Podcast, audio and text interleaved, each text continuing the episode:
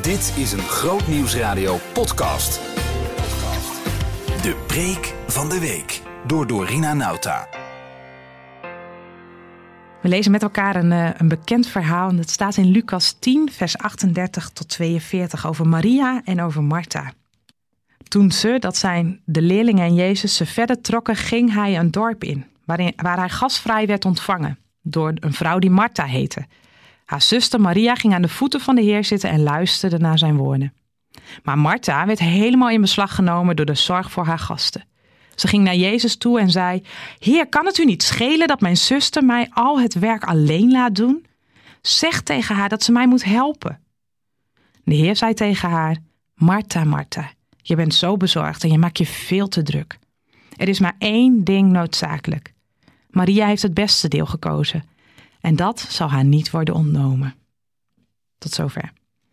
Een paar jaar geleden werd ik stilgezet. Na een periode van hard werken en maar doorgaan ging het niet langer. Mijn lichaam riep mezelf een halt toe. Van het ene op andere moment was de koek op. Ik had dagen doorgewerkt, want er moest zoveel gebeuren. En het was onrustig op mijn werk. Mijn verantwoordelijkheidsgevoel drukte zwaar op mijn schouders. En tot op dat moment had ik hard gewerkt, maar nu lukte het niet meer. Na weken van barstende koppijn moest ik het beltje erbij neerleggen en mijn werk laten voor wat het was. Ik wist niet meer waar ik de puf vandaan moest halen. En zoals zo vaak bij overspannenheid was ik vlak voor ik muziek meldde heel erg actief en holde ik maar door. De ene na de andere dag. Omdat er zoveel klussen op me lagen te wachten.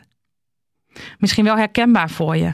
Dat aan het begin van de dag je een hoop werk weg te werken hebt en aan het eind van je dag je to-do-list alleen maar langer is geworden. Nog even dit doen, want als je dat gedaan hebt, dan pas kun je rustig zitten. En aan het einde van de dag concludeer je dat er geen rustmoment is geweest. Dat je van de ene naar de andere klus gerend bent. Want er waren nog zoveel dingen die moesten gebeuren, zoveel ballen om omhoog te houden. Kinderen, zorg voor je ouders, klussen in de kerk en alles wat je van jezelf nog maar meer moet doen. En ik herken me dan ook in Marta, misschien jij ook wel. Druk, druk, druk. En je gunt jezelf niet de tijd om te vertragen en even aan de voeten van Jezus te zitten. In de rush van alle dag lukt het gewoon niet om die andere plek te kiezen. Je bent altijd maar bezig en je vindt onvoldoende tijd voor rust en voor gebed. En als je dan even niets hoeft, dan lukt het gewoon simpelweg niet om je op God te richten. Want dan roepen al die dingen die moeten gebeuren. Het terugschakelen lijkt bijna onmogelijk. En zo makkelijk vinden we iets van Marten. En voor je het weet, veroordeel je daarmee ook jezelf. Laten we eens even naar Marta kijken. Dit verhaal gaat over doen en over wat we laten. Dit verhaal gaat over tijd en over prioriteit. En Jezus is op weg met zijn twaalf leerlingen. En het is diezelfde Martha die deze dertien mannen gasvrij ontvangt. Ze dient. Diaconia staat er letterlijk, waar ons woord diaconie vandaan komt. Het gaat over uitreiken, over delen. Martha gebruikt haar gaven, de gaven die God haar heeft gegeven. En dan Maria, die zit aan de voeten van Jezus.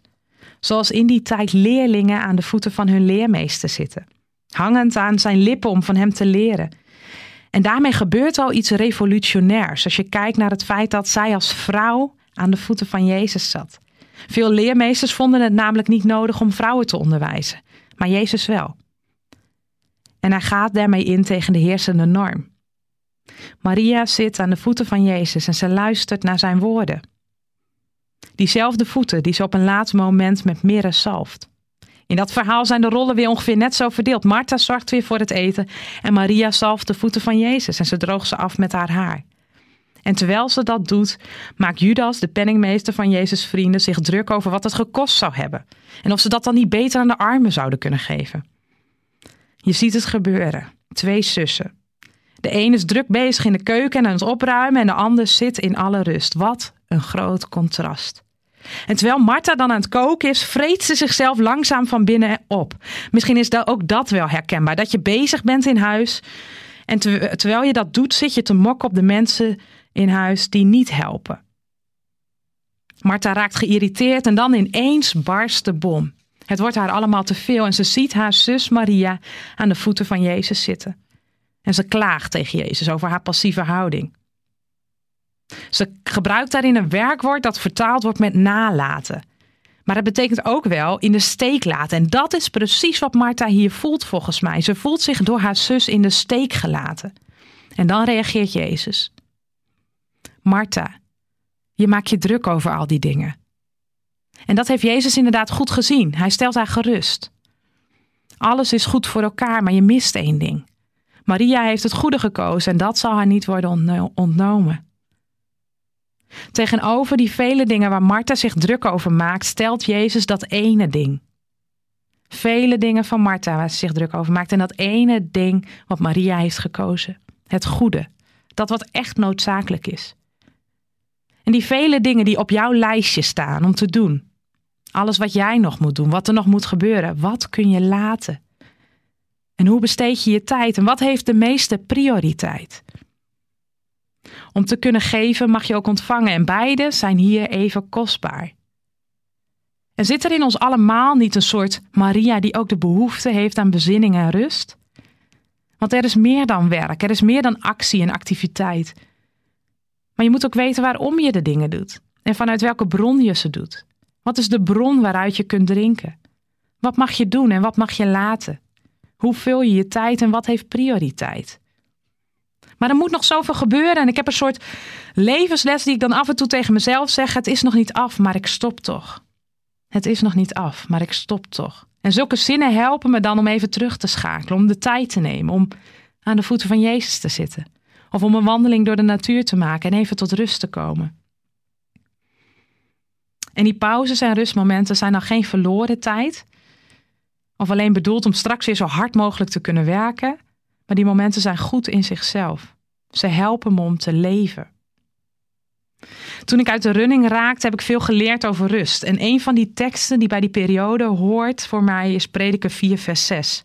En daar staat het volgende: Beter is één hand gevuld met rust dan beide vuisten vol gezwoeg en najagen van wind.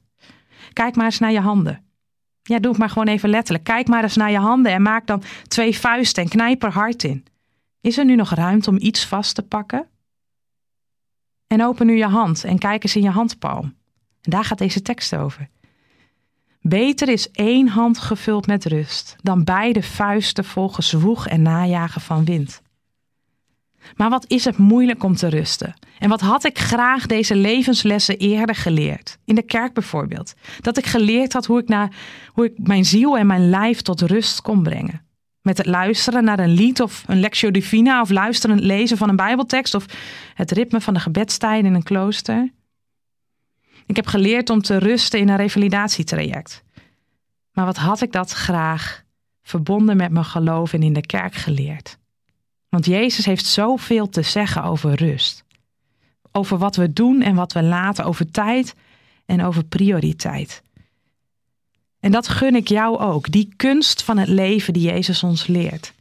Want het is de kunst om te zoeken naar een balans tussen de Maria en de Martha in onszelf.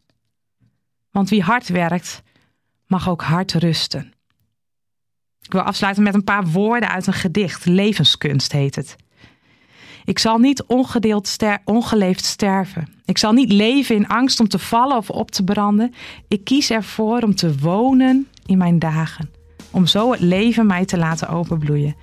Mij minder angstig te maken, mij toegankelijker te maken en om mijn hart vrij te maken. Tot het een vleugel wordt.